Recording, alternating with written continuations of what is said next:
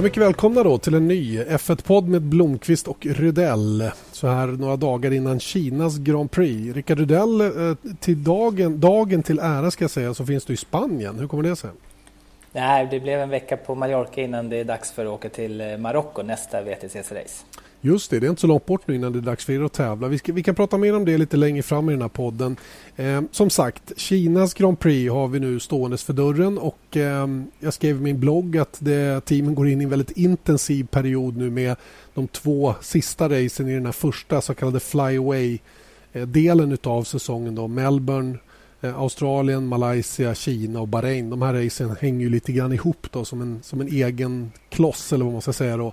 Och eh, nu är det ju extra knepigt då i och med att det är veckorna efter varandra då som man kör Kina och Bahrain. Och du och jag har suttit och fördjupat oss lite grann i det här med logistiken. Vi har fått lite förfrågningar om det, om, om hur det går till när teamen flyttar alla sina prylar eh, runt om i världen. Och, och det är en ganska imponerande, eh, vad ska vi säga, en imponerande logistikprestation. Eh, ja, verkligen, det måste man säga. Det, och det spelar ingen roll om man ska flytta någon, någonting från eh, ett, en stans i världen till, eh, ja, till Asien eller till eh, andra delar av världen. Så det, det är ju så mycket material de ska ha med sig så att det inte är enkelt, helt klart. Du kan ju själv relatera till hur det var när ni, när ni stack till Argentina nu då. Det är ju en bra bit och, och där vet jag att bilarna gick med flyg va? men det var lite delat på hur man gjorde. Ja precis och det, det är så i och med att eh, säsongen startade så tidigt så ställde VTCC upp med flygfrakten till Argentina för bilarna men vi var tvungna att skicka då verkstadsdel, alltså alla verktyg och reservdelar med eh, container och det skickades ju då ganska långt innan. Och, så att eh, skulle man göra test mellan då innan bilarna skickades så var man ju tvungen att ha dubbla utrustningar för att kunna testa. Så att det är ganska mycket strul för teamen när, när man skickar iväg delar så, där, så som man gör. Men sen är VTCC uppdelat så att eh, när vi körde i Argentina, det var ju en månad då innan Marocko, så att då hinner bilarna åka med eh, container med fraktbåt till Marocko.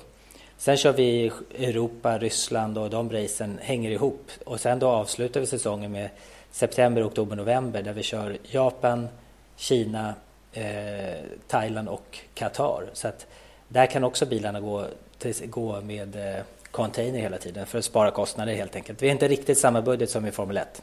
Nej, det är ju inte det, men, men ändå en väldigt imponerande logistisk prestation det där också att flytta ett sånt här stort mästerskap runt hela världen. Och, eh, i, i, I den takten som det blir allt fler race då, i Formel 1 framförallt och utanför Europa så, så ökar ju vikten av att ha en bra Eh, logistikpartner då, som Formel 1 har just nu, i form av DHL som sköter alla transporter. Eh, men den stora prestationen känner jag ligger på teamen själva, att packa allting. Eh, man har ju begränsat antal containrar då som man får använda så man ska då stuva sina 30 ton utrustning ungefär då som det är. Och det här, det här går snabbt. Det börjar egentligen direkt efter att målflaggen har gått. Eh, som nu då på söndag efter Kinas Grand Prix så börjar man ju packa direkt. Ja, det är precis samma sak i WTCC. De, de slår ju, direkt efter dig så börjar man packa ihop allting och söndag kväll sent så är det klart och måndags, på måndag skickas det. Normalt sett så kanske man har måndag, måndag förmiddag på sig också så ska det vara klart klockan 12 på måndagen. Det där är lite olika men eh, det är rätt häftigt att se faktiskt hur, hur fort teamen packar ihop grejerna för det är, allting ser så häftigt ut när det står i depån depåväggar, allting väldigt, väldigt stort och så bara packas allt ihop då i lådor, container, specialbyggda lådor för att allt ska få plats. Och sen då när man, när man kommer till racet och det byggs upp igen är det precis på samma sätt. Så att det, det är ganska häftigt att bara stå där och, och eh, bli lite imponerad när de packar ihop och packar upp allting. Formel 1-teamen har tre stycken hubbar så vitt jag vet i Europa då där när allting startar så att säga inför Australiens Grand Prix så har man en i London, en i München och sen tror jag att det är en i Bologna Eh, dit teamen kan köra sina grejer då enligt ett, eh, ett schema då som man har lagt upp. Och jag vet att den italienska hubben den, den används av Sauber, utav Toro Rosso då förstås, utav Ferrari där de packar sina grejer. Eh, England är ju ganska givet vilka team som är där. Det är de som är baserade i England och eh, den i Tyskland då är för de team som har lite närmare eh, just den Eh, Eh, placeringen. Då. Och sen kommer dessutom alla andra leverantörer till. Eh, däck till exempel, Pirelli som tar ansvar för sina grejer. Vi har allt bränsle som ska flygas till alla ställen. Eh, och Det här kommer utanpå allt det som varje team då skickar i form av utrustning. Eh, jag tror att det är så att man har eh, rimligen i alla fall till de här flyway-racen tre stycken chassin med sig. Då. Man har två stycken som man racear i och sen har man ett reservchassi. Sen gäller det att ha golv, reservdelar, alla de här bitarna. Och det där är ganska smidigt sätt som de har för att logga att de har allting med sig och dessutom vet livslängden på alla prylar. För det är också en oerhört viktig detalj när det gäller just logistiken och, och ihopbyggandet av bilarna. Ja, absolut. Och speciellt livslängden på delarna som har varit på bilarna. Och jag vet eh, tid, när jag har kört i de teamen man tävlat med så förs det ju alltid lister. Då, tidigare så gjordes det, och många gör fortfarande idag, det manuellt eller i ett Excelblad. Och för upp när liksom eh, framvagn, vänster framvagnsupphängning går på bilen, eh, när den tas av så man vet exakt hur många kilometer den har gått. Det skrivs upp hur många varv och räknas ut då exakt kilometervis. Men du berättar någonting helt annat just i Formel 1 hur de jobbar. Ja, de har en streckkod på varje del. Varje del har en liten streckkod som läses av dem i en sån här avläsare då för att registrera dels att man har alla prylar med sig men också hur länge de har suttit på bilen. Och Det där gör ju att det blir lite enklare att ha lite översikt. Va? Men, men eh, det där är oerhört viktigt för att om en del börjar nå sin, sin maximala livslängd så att säga, då måste den bytas ut. Och Det mesta åker ju av bilen långt innan man har nått den maxgränsen, så att säga, eller hur? Ja, så är det. Och, och du, till och med så vissa, vissa delar som kanske sitter lite längre, de tas av och röntgas för att se eventuella sprickor i dem då, innan de kanske körs längre. Eh, det hänger ju, I Formel 1 så tror jag att man har en väldigt mycket kortare livslängd på delar då, än vad man har kanske i andra klasser. Där man kanske kör bil, delarna lite längre på bilarna. Just det. Och det här med röntgen det är ju viktigt eftersom det mesta är kolfiber och då, då gäller det att man ser eh, om det är sprickbildningar i saker och ting. Och vi vet ju Marcus råkade ut för en Marcus Eriksson råkade ut för en hjulupphängning som gick sönder i Australien till exempel under träningen och det är ju en sån där grej när när, när en pryl helt enkelt har, har fått sig en kyss som man inte har sett och sen så eh, när den då belastas på banan så att säga, då brister den. Och det är det där man vill undvika och det gör man ju då på ett bra sätt om man hela tiden loggar hur länge sakerna har suttit på bilen. Exakt, och om de har varit med, precis som du sa, om någon mindre incident, då är det dags att kolla dem direkt, helt klart. Eh, jag läste på lite också angående eh, flygtransporterna. Då. Det är alltså, jag tror det är sex eller sju jumbojetar man använder för att flytta allting. En jumbojet som eh, får lyfta med ungefär 150 ton payload som det heter då, last ombord. Så att det finns gott om marginal då för att flytta de här 300-400 tonnen utrustning då som, som teamen tar med sig till varje tävling. Och Eh, det teamen gör själva det är ju att de, de packar allting som jag sa tidigare i sina specialbyggda containrar. Flera av dem har ju sån här mjuk padding i för att det inte ska skadas. En del till och med lindas in i sån här bubbelplast vet du, för att man verkligen ska skydda prylarna. Eh, och sen när man har packat ihop allting sen, sen lämnar man över ansvaret då till i det här fallet då DHL som transporterar med lastbil till flygplatserna och det här kan ju vara väldigt Want flexibility? Take yoga. Want flexibility with your health insurance? Check out United Healthcare Insurance Plans. Underwritten by Golden Rule Insurance Company, they offer flexible, budget friendly medical, dental, and vision coverage that may be right for you. More at uh1.com. Say hello to a new era of mental health care. Cerebral is here to help you achieve your mental wellness goals with professional therapy and medication management support. 100% online. You'll experience the all new Cerebral Way an innovative approach to mental wellness designed around you. You'll get a personalized treatment plan from a therapist, prescriber, or both in a safe and judgment free space. Your cerebral therapist or prescriber will outline a customized plan with clear milestones along the way so you can get to feeling your best. With Cerebral, you're not alone in your mental health journey. We're here to empower you to live a fulfilling life. So take that first step towards a brighter future and sign up today at cerebral.com slash podcast and use code ACasts to get 15% off your first month. Offer only valid on monthly plans. Other exclusions may apply. Offer ends July 31st, 2024. See site for details. Lite olika då beroende på var man är. I Malaysia det är det jättenära mellan flygplatsen och banan. I Brasilien så kan det vara tre timmar att ta sig från flygplatsen till, till banan. Så att, eh, det är lite olika hur det ser ut. Och sen så eh, levererar då DHL på banan igen och då är det teamens uppgift igen då att sätta ihop allting som du sa. Och, eh, jag, jag, måste säga att jag var lite förvånad när man hörde att det tar någonstans mellan tre och sex timmar bara att packa ihop all utrustning. Det är ju grymt snabbt. Ja, det, men då är nog eh, ganska många i personalen med om att packa tror jag. All, alla med hjälper till, alla vet precis vad de ska göra, då går det fort. Jag gissar att alla är inblandade i alla fall. Jag tror inte man blir så populär om man smiter undan. Antagligen inte. Och Det är ju dessutom så att eh, eh, det här eh, måste ju ske oavsett vad det är för väder. Du kommer ihåg hur det var i Japan förra året då med den här tyfonen då som passerade. Ja, och grejerna skulle då eh, bara inom några timmar flygas till, till Sochi tror jag det var, som körde sitt första race direkt efter. Och Det där är ju också en sån här back-to-back historia då, som blir extra, extra tuff. Um, när, um, ja, det måste ju vara skönt ändå för teamen att få komma hem till Europa nu efter Bahrain och, och liksom återsamla sig på något sätt och, och gå igenom och titta över allting som man har använt under de här fyra loppen. Ja, så är det ju absolut. Och sen eh, när man kommer tillbaka till Europa så det känns som att det är en ny, en ny säsong. Precis som du sa, det är uppdelat i olika block och vi vet att första race i Europa så det, blir, det är alltid en massa uppdateringar på bilen och sånt. Man, jag tror teamen själva liksom mentalt delar upp säsongen lite grann i de här tre blocken.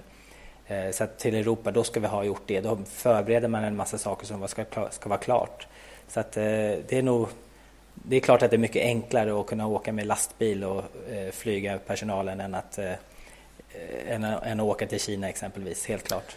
Ja, det är den andra delen av det logistiska så att säga när man väl kommer till Europa. Då har ju teamen sina egna eh, transportmedel, då, sina egna lastbilar och eh, jag läste någonstans att de var över 40 stycken truckies som kör alla grejerna eh, runt om till racen då ute i Europa från respektive fabrik. Och det, är, det är rätt många lastbilar som måste förflytta sig då och när man ser de här kreationerna in i depån dessutom. Du har ju, du har ju varit på några race nu och, och varit inne i depån och sett de här motorhomesen som ja. är. De, de är imponerande verkligen.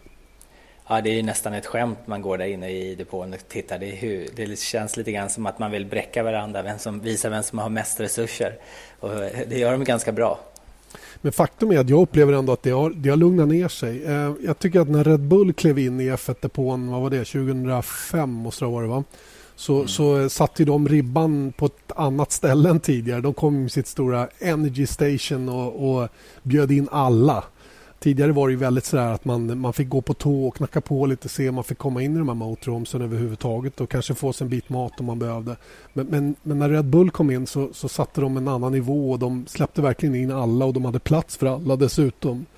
Imponerande då, då liten... Pratar, du pratar om journalister, för det är inte speciellt många som har rätt att få komma in i depån. Det är ganska restri eh, restrikterat ändå vilka som får vara där och inte vara där. Oh ja, jag menar passen som delas ut till, till varje race är ju, det är ju starkt begränsat och det, jag vet att teamen har ju oerhört få eh, få gästpass yes. till exempel ja. själva som de kan dela ut. Det är, det är varje förare som kör kanske har ett eller två pass att, att dela ut till, till viktiga personer som de tycker borde vara inne i depån under en tävlingshelg. Och det här ska redovisas tror jag tre veckor i förväg med namn och foto vem det är som kommer. Så att det är inte några snabba puckar heller. Det där är, Bernie han, han, han håller dem på halster verkligen i det avseendet. Ja, han, vill att, eh, han har sagt någon gång att han vill att det ska vara kändisar och snygga damer som går i depån. Jag läste nu uttalande från Bernie. Just det, jag läste den där lappen också. Det, det florerar ju på Twitter någon bild på någon... Det var väl efter det att man började sälja ut um, alla delar från Caterham tror jag. Där det var ett, ett, uh, en press, eller det var inte någon press, det var ett PM från Bernie till teamet att uh, de personerna ja, som ska ha gästpassen det är kändisar och, och vackra damer som du säger. Ja. ja, ja, han, han ja. jobbar ju på sitt sätt Bernie och det kan man ju tycka vad man vill om. Men han har ju verkligen sett till att Formel 1-depån är mytomspunnen. Det är någonting som alla vill komma till och som väldigt få får komma in i. Och jag menar, jag vet journalister har jätteproblem i vissa fall, skrivande journalister som inte kan redovisa originalmaterial på artiklar de har skrivit om Formel 1. Så, så får de helt enkelt inget pass. Det är ju det är en ja. rätt speciell värld det där verkligen. Ja, ja, verkligen. Men det är sant som du säger, det är många som vill in i depån och kanske också därför som att det är så mytomspunnet. Precis. Verkligen. Nåja, det om logistiken. Hoppas det klarnade upp eh, bilden lite grann i alla fall. Runt 30 ton per team alltså som flyttas då på, i specialbyggda container med hjälp av sex eller sju jumbojättar världen runt. Eh, det här packas av teamen själva och flyttas sen då utav DHL eh, till de olika racen. Det var någon som trodde också att Bernie bjöd på det här. Det kan jag lova att han inte gör. Det kostar massor med pengar. Ja, det är väl eh, några hundra miljoner som går i de här budgeterna och det är väldigt, väldigt mycket, team, mycket en stor del av budgeten för de mindre teamen, helt klart. Men, men eh, servicen som FHM erbjuder är ändå väldigt bra. Du, du berättar för mig att det, det är ju eh, eh, kaner och tull, förtullningsdeklarering och allt vad det nu är för någonting som, som är jättetidsödande för teamen då, som, som FHM tar hand om. Ja, det är verkligen ett stort jobb och vi har faktiskt turen i våra team i, från Sverige då som har eh, en kille, Fredrik Pont. Han var logistikansvarig för Toyotas Formel 1-team tidigare så att han eh, sköter det där åt oss och gör det riktigt, riktigt bra. Så att utan honom hade, utan honom hade det varit eh, betydligt, mer, eh, betydligt svårare helt klart. Jag fick ju, eh, när, när vi hade presskonferensen inför säsongen så var ju um, teammanagern i Sauber, Beat Sender, var ju uppe i Sverige och eh, han nämnde just det att oh, det, det, kostar mycket. Jag kommer inte exakt ihåg vad han sa va? men det var en väldigt, väldigt stor del av den totala budgeten som går åt till de här racen som går utanför Europa. Men, sa han, vi får en fantastisk service. Alltså vi, vi packar egentligen bara grejerna och sen så är det ganska enkla formulär som man fyller i och som man sen lämnar vidare. Sen sköter FHM resten och det där måste ju ändå vara värt en del. Kanske inte de 100 eller 200 miljoner eller vad det nu kostar. Eh, men, men eh, man spar mycket tid på det. Ja, och det skulle inte gå att göra på något annat sätt heller direkt. Inte, om teamen skulle göra det var och en själva. Och det är klart att de får ner kostnaderna när de gör det tillsammans. Du, eh, logistiken är en sak men eh, det är ändå på racerbanan som eh, det intressanta sker även om det är viktigt att flytta grejerna fram och tillbaka. Och den här helgen så kommer vi som kollar på sändningen att stifta bekantskap med kanske den mest intressantaste föraren på griden. Kan du gissa vem det är? Eh, nej, eh, mest intressanta föraren på griden, vem kan det vara? Det är eh, någon av toppförarna kanske? Eh, faktiskt inte. Jag vill hävda att det är pastor Maldonado. Jaha, hur kommer det sig?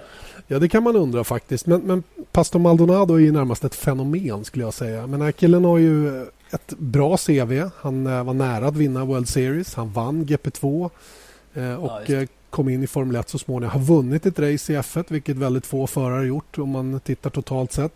Eh, och ändå så är han kanske den mest eh, omdiskuterade och ifrågasatte föraren i hela depån. Va, va, vad vet du om Pastor Maldonado?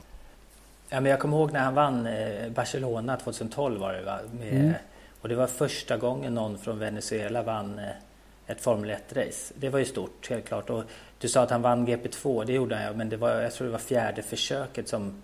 Eller någonting. Han har kört i GP2 i alla fall flera säsonger innan han lyckades vinna. Så att, men, men självklart, han, är, han har ju visat att han har farten i lägre klasser. Eh, och på, bara på hans meriter så har, så har han ju en plats.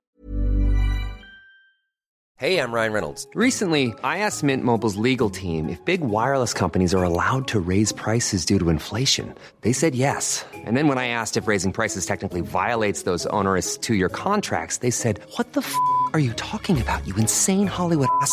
So to recap, we're cutting the price of Mint Unlimited from $30 a month to just $15 a month. Give it a try at mintmobile.com slash switch. $45 up front for three months plus taxes and fees. Promoting for new customers for limited time. Unlimited more than 40 gigabytes per month. Slows. Full terms at mintmobile.com.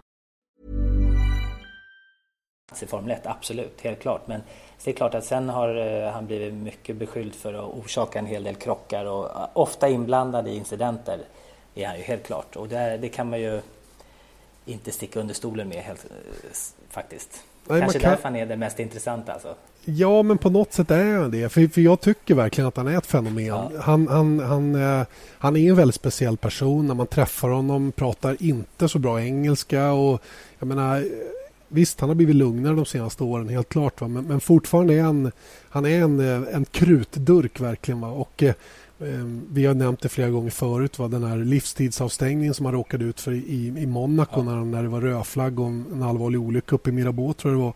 Så, eller inte Mirabeau, det var uppe vid kasinot. Så, så körde han in i en, en eh, stillastående bil och skadade eller om man till och med avled funktionären som, som han körde på där. Och åkte på den här livstidsavstängningen som sedermera hävdes. Va? Men det är lite sådana grejer som släpar kvar fortfarande hos honom. Va? Man har sett oerhört märkliga avåkningar från hans sida. Han har suttit och pillat med ratten och kört av banan. Och jag vet i Belgien förra året så gjorde han en sån idiotisk avåkning. Jag har aldrig sett något konstigare och helt plötsligt bara skrot och, och i, i däckbarriären. Det, det, det är en märklig figur där och, och um, på något sätt så får han ju leva med det. Han har ju till och med en egen hemsida. Där det, has, has Maldonado crashed today? Eller någonting sånt, ja. tror jag den heter. Okej. Okay. Ja, det är inte han själv som gör den i alla fall kan jag Nej, jag tror inte det. Jag tror att det är hans fans. Nej, men det är klart, det känns, han är ju en för, alltså han är, självklart har han ju farten. Det visar han ju då exempelvis när han vann eh, på Barcelona. Och han, eh, alltså, det känns som att han kör ganska fullt med adrenalin. Alltså, han är ju på som bara den. Alltså, men eh, kanske går li lite över gränsen, lite nära gränsen hela tiden känns det som. Faktiskt. Jag, jag är benägen att hålla med. Och, det, och det, det intressanta är också att det finns ju en till venezuelan som kör i GP2. Eh, eh, Johnny Chicotto Eh, son till eh, Johnny Chicotto senior som faktiskt har, som jag tycker kör på samma sätt. Jag vet inte om de har, ja. det, om de har det med sig från, från när de är små så att säga. Att, att vara så här superaggressiva och, och ta lite konstiga beslut emellanåt. Vad tror du? Jo, men absolut. Alltså, han, Chicotto har jag också följt. I, alltså, han har ju gjort precis på samma sätt. Och också väldigt bra fart. Så att, eh, ja, kanske du har rätt i det. kanske är från Venezuela som temperamentet kommer. Man brukar ju säga Brasilien annars. Ja. ja, eller hur. Brassarna har ju kanske en annan, eh, vad ska jag säga, en annan eh, en annan stamtavla i Formel 1 då än vad Venezuela har. Då. Som du nämnde då, ja. Maldonado tog eh, Venezuelas första seger och, och, gjorde det faktiskt på merit den tävlingen. Då, även om det var väldigt speciella däckförhållanden för mig den gången med slitage som var enormt. Eh, hur som helst så, så, finns han kvar i F1 och, och, hur upplever du att han har varit de senaste åren nu i Lotus? Börjar han att lugna ner sig lite grann? Ja, det kanske han gör, absolut. Men, och sen, eh, men kanske samtidigt som han kanske tappat lite av farten. Jag tycker eh, ändå att eh, Grosjean har väl varit dominerat där lite grann, tycker jag. Alltså, så att vi får se. Det, vi måste väl kanske följa några mer race nu när också när Lotus har Mercedes-motorer så kommer de ju kanske, jag tror under säsongen ändå att Renault kommer kunna överraska i år. Jag tror att de, de har mer att visa än vad de har visat hittills, helt klart. Du tänker på Lotus, inte Renault förstås? Ja, nej, förlåt, Lotus. Det var ja. en liten freudiansk felsägning, för det är lite kul. För, för eh, vi ska ju även i, i helgen stifta bekantskap med Cyril Abiteboul som är eh, den som basar över Renaults F1-satsning just nu. Och det är lite kul att prata Renault faktiskt, för det är ju det är ju väldigt mycket som händer runt omkring Renault. Dels all den här kritiken som har varit senaste tiden då mot hur motorerna fungerar och det här publika ordkriget som har varit mellan, mellan Red Bull och, eh, och Renault som, som jag ändå tror är, har ganska lite påverkan på det som egentligen sker i bilen och med motortillverkning och sådana saker. Det är mer så här tuppfäktning. Hur, hur, hur ser du på det där? Ja, alltså jag, tycker, jag är lite förvånad ändå över att eh, Red Bull är så pass aggressiva och går ut ganska tufft mot Renault. Eh, så att det, det, är väl, det är väl lite förvånande medan eh, Toro Rosso då inte säger någonting. De bara kör sitt race och gör det riktigt bra. Så att, eh, jag tycker man kunde nästan hållit det bakom. Man, och man, det är väl inte riktigt klart om vad som händer men helt klart är ju att Renault söker, söker ett team som de kanske vill liera sig med närmare. Eh, så varför Red Bull är så, går ut så hårt, det är lite förvånande faktiskt. Och vet du vad? Det har ju varit, eh, Toro Rosso har ju varit det team som har, som har påstått stå högt upp på, högst upp på, på den här listan. Och det har vi väl anledning att tro att inte det stämmer längre. Det intressanta är att James Key då, som är Technical Director hos Toro Rosso sa att eh, Renault hade gjort en massive step.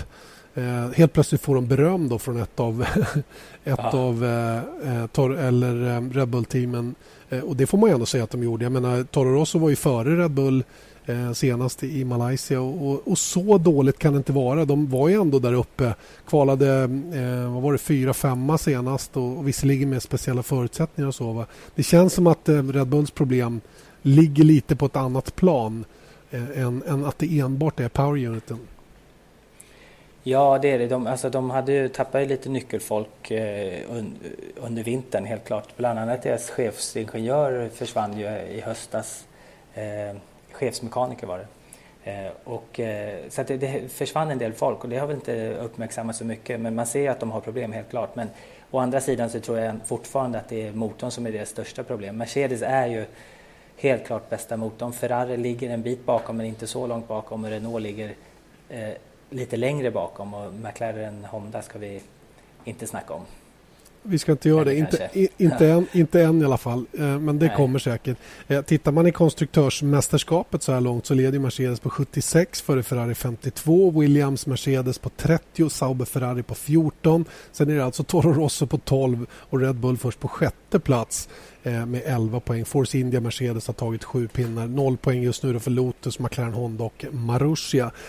Och det är väl rätt signifikativt för starten på säsongen för Red Bull att man är nere på en sjätte plats Fick stryk av båda eh, båda Toro Rosso-bilarna senast. Och, och, det roliga var att när jag, var i, mm, när jag var i Barcelona på den sista testen tror jag det var inför säsongen så träffade jag en av mekanikerna där. Sen säger inte det så himla mycket. Han kanske inte vet någonting. Men han var väldigt säker på att vi kommer att slå Red Bull. Övertygad om att vi slår Red Bull i de fyra första loppen. Och hittills har han ju faktiskt haft rätt. Ja, då, då måste han kanske veta mer än vad, vad andra visste. Och det var ju rätt eh, stort självförtroende att säga det innan första racet, helt klart. Ja, ja, och det var väl baserat lite grann på vad de hade sett på banan naturligtvis ja. under under testerna som har varit. Eh, det här med Renaults eh, start av eget team då, det, det tycker jag är lite kittlande. Backar man tillbaka, Renault har ju varit med så länge och de har kommit och gått som, som team, eller fabriksteam respektive motorleverantör. De hade en gigantisk storhetstid där på 90-talet när man levererade motorer då till Williams först och sen även till Benetton och det blev flera VM-titlar. Precis som det blev de här fyra åren ihop med Red Bull när man tog sina titlar där. Eh, det känns som att man har svårt att veta på vilken fot man ska stå på. Ja, men eh, jag kommer också ihåg när de, när de var med var det på början på 80-talet när de eh, kom med turbomotorerna, de här gul-svartvita bilarna som de körde i många, många säsonger. Just så att man har ju minne från Renault att de har varit med i F1 under väldigt lång tid, helt klart. Men, eh, och, och de har ju klart, de lierade sig väldigt nära med Benetton gjorde de ju helt klart. Och Lotus också där. Så att det, är väl kanske kanske känns mer naturligt. De, de känner väl att de inte har fått den uppmärksamheten som de vill ha i, med samarbetet med Red Bull kan jag tänka och vill väl kanske ha ett närmare samarbete och synas mer på teamet helt enkelt. Håller du med om det? Ja, ja, ja Red Bull är klart att det, jag tror de flesta förknippar Red Bull med Red Bull, alltså gemene man, mer än Red Bull Renault. Liksom. Så att, eh, det, det, kan jag nog hålla med om, absolut. Mm, mm. Det är lite intressant det där. Du sa att de var tajt lierade med, med Benetton. Det var de ju för de tog över Benetton sen och blev Renaults fabriksstall förra gången då när Alonso vann två titlar till exempel. Och eh, eh, Många trodde ju kanske att det var Lotus som skulle vara det naturliga valet så att säga då Eh, att, att eh, stanna kvar i Enstone då, där de har varit tidigare. Men, men det verkar som sagt inte bli så heller då, i och med att Lotus valde Mercedes till i år. Jag är lite spänd faktiskt på att få in Renault som, som ett fabriksteam. Jag tycker det vore bra med ytterligare ett fabriksteam. Det, det, det blir ändå lite mer power så att säga när, när eh, en tillverkare går in med full kraft. Så är det. De, de har en annan budget och kan lägga liksom och precis som McLaren fortfarande är väldigt säkra att de säger själva att de är den det team som har bäst chans att i framtiden slå Mercedes, säger de eh, ganska kaxigt fortfarande. Eh, och det är klart att ett team med stora resurser med en eh, motorfabrikant bakom sig som satsar helhjärtat, det är klart att det väger väldigt tungt. Ja, vi får se vad som kommer att hända. Det lär, det lär nog klarna mot slutet av säsongen vad som, vad som sker i den här frågan. Men eh, som sagt, mycket, mycket talar för att Renault alltså kommer att skaffa sig ett eget team från och med nästa säsong. Vilket det sen blir, ja, det, det är ju fortfarande höljt i dunkel. Men det är väl två favoriter just nu och det är Sauber och Force India så vitt jag har eh, så vitt jag har kunnat eh, lista ut någonting i det, det avseendet. Då. Men eh, det blir spännande att, att följa fortsättning på det också.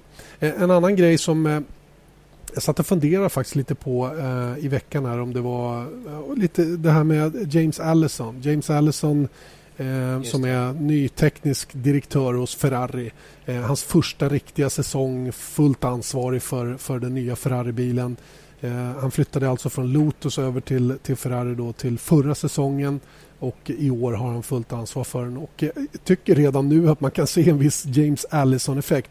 Vet du varför jag säger det? Det är för att jag tycker att Ferrarin helt plötsligt börjar uppträda eh, i händerna på förarna ungefär som Lotusbilen 2013 gjorde som man också var väldigt lyckosam med och som lyckades vinna race och, och som var väldigt snäll mot däcken vilket vi såg resultatet av här senast. Ja, det, det som är kul med James Allison det han, han säger det största han har påverkat är kulturen i Ferrari. Och det kanske man förstår när man, när man hör honom berätta om det. För i Ferrari har man alltid gjort allting ganska kortsiktigt och sagt att okej, okay, nu ska vi göra det här. Det är typiskt lite latinskt, italienskt. Eh, Medan han har, han har försökt påverka dem ända då sedan han kom, slutet på 2013 tror jag det var redan. Att då få dem att jobba mer långsiktigt. Att okej, okay, det är det här vi ska uppnå om, om sex månader och liksom jobba på, på mycket längre sikt. Så att, eh, och det, det, menar han, det är det som har han eh, influerat mest och det är det som har gjort att de ser framgång nu. Och, han, och de säger att de har ett väldigt bra eh, paket under säsongen med uppdateringar som kommer och så. Så att, eh, det är jättekul att se och om det är så så kanske vi kan förvänta oss att Ferrari bara går från... Eh, ja, de kommer ju inte vara... Det är en annan sak att de vann förra racet, det kommer de ju inte göra i Shanghai, Kina nu, det tror jag inte. Men på, om vi sett över hela säsongen så kanske de kommer närma sig Mercedes eh, sakta men säkert. Så det vore ju väldigt kul att se, helt klart. Mm. Eh, jag försökte lansera någon form av uh, teori angående James Allison för Eje där, där jag sa att han, han verkar vara, det är samma tendens i Ferrari nu, att den är snäll mot däcken som som det var för, för, för Lotus då 2013 och då tyckte han att det var en kraftig förenkling av, av min teori eller av, av situationen. För han menar på att det här med att få däcken att arbeta på rätt sätt det är ju ett rörligt mål som hela tiden är väldigt svårt att nå. Och man har lite olika filosofier hur man når dit. Eh, och att eh, det på något sätt skulle vara så enkelt att han bara tittar på däckekonomi så att säga. Va? Det är ju mycket, mycket mer komplext än så. Eh, och det fattar jag också. Men, men, men visst känns det ändå som att Allison har ett sätt att tänka som, som pekar åt det hållet? Lite ledande fråga här nu.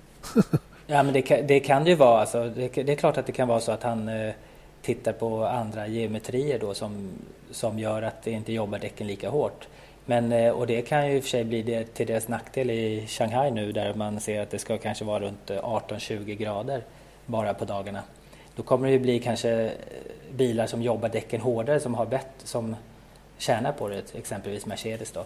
Men, men visst kan det vara så lite grann. Ja, men det är svårt att säga det, det, när man inte ser det från insidan. Eh, avslutningsvis då, några korta ord om eh, det kommande racet. Vi pratade väldigt mycket om Kinas Grand Prix redan förra veckan i podden. Men, men, men eh, det jag är lite spänd på ehm, där ehm, Nico Rosberg. Nico Rosberg har verkligen hamnat lite i bryggan nu. Det var länge sedan han slog Lewis Hamilton och han måste snart vända på den här steken om han ska kunna bli en allvarlig utmanare till VM-titeln. Jag, jag, tror att eh, självklart kommer han kunna vara i närheten av Hamilton ibland och säkert slå honom ibland. Förra året så kvalade han ju faktiskt ut Lewis Hamilton under säsongen men Lewis vann ju mästerskapet. Men jag tror att eh, Nico Rosbergs bästa chans att vinna och slå Hamilton det var förra året när Hamilton var ny i teamet. Nu, är han, nu har han liksom satt sig i teamet mycket mer och kan bilen bättre. Så att jag tror Lewis Hamilton blir, blir väldigt svårslagen. Jag tror inte Rosberg kommer att ha en chans på mästerskapet i år, tyvärr. Men var, vi får se. Jag hoppas jag har fel. Var det, var det en ytterligare tendens till det som vi såg då senast i Malaysia när, när Vettel faktiskt lyckades kvala ut eh, kvala ut Nico Rosberg som för första gången tror jag på vad var det, 10 eller 11 helger inte startade i första startled. Ja, men eh, det är klart det var lite speciellt kval med, när det var regn och så. Så att det är svårt att säga. Det kanske hade sett annorlunda ut om det varit ett, ett torrt kval. Men eh, Nico Rosberg, han var ju grymt snabb i kvalet förra året men, eh, och kommer säkert vara det i år också i flertalet tillfällen. Men Hamilton lyckades, alltså, lyckades sätta bättre varvtider, spara däcken bättre och kunna ha ett bättre, snabbare, jämnare tempo under sina stinter helt klart. Så det är svårt att komma upp i den nivån, tror jag. Mm, vi får se om han lyckas då den här helgen. Han vann ju sitt första Grand Prix i Kina. Nico Rosberg, så han har ju lite goda minnen där. Eh, några mindre goda minnen tror jag Lewis Hamilton har från just Kinas Grand Prix. Han eh, brände väl sin VM-titel eh, debutsäsongen 2007. Där, kommer du ihåg det? Ja, det var precis. Sen, eh, I och för sig så vann han ju förra året så att han, han får väl tänka på det då. Ja. Han får tänka på det positiva. Han har, har han inte vunnit tre gånger här och kan bli den första att vinna fyra. Eller om han har vunnit två och kan bli den första att vinna tre, tre race. Eh, Lewis ja. Hamilton just här i Kina. Då. Ja, äh, det blir spännande. Vi drar igång eh, fredag morgon 03.55 med första träningen. Andra träningspasset startar 07.55 och på lördag morgon då är det dags för eh, träning 3 05.55. Så det är tidiga morgnar den här helgen också men det är sista på ett tag nu. Eh, sen har vi kvalet då där sändningen startar 08.45 och på söndag ja, då sparkar vi igång 07.30 med uppsnacket inför Kinas Grand Prix Formel 1. Du kommer väl kanske inte att vara uppe de tidiga morgontimmarna men i övrigt så försöker du väl hänga med. Eh, på spansk tv får det bli då? Ja, det får bli det. Jag tror att det blir katalonsk eh, eller eh, precis katalon, katalonska pratar om så att det, man får väl lyssna på något annat sätt. Får se hur jag ordnar det.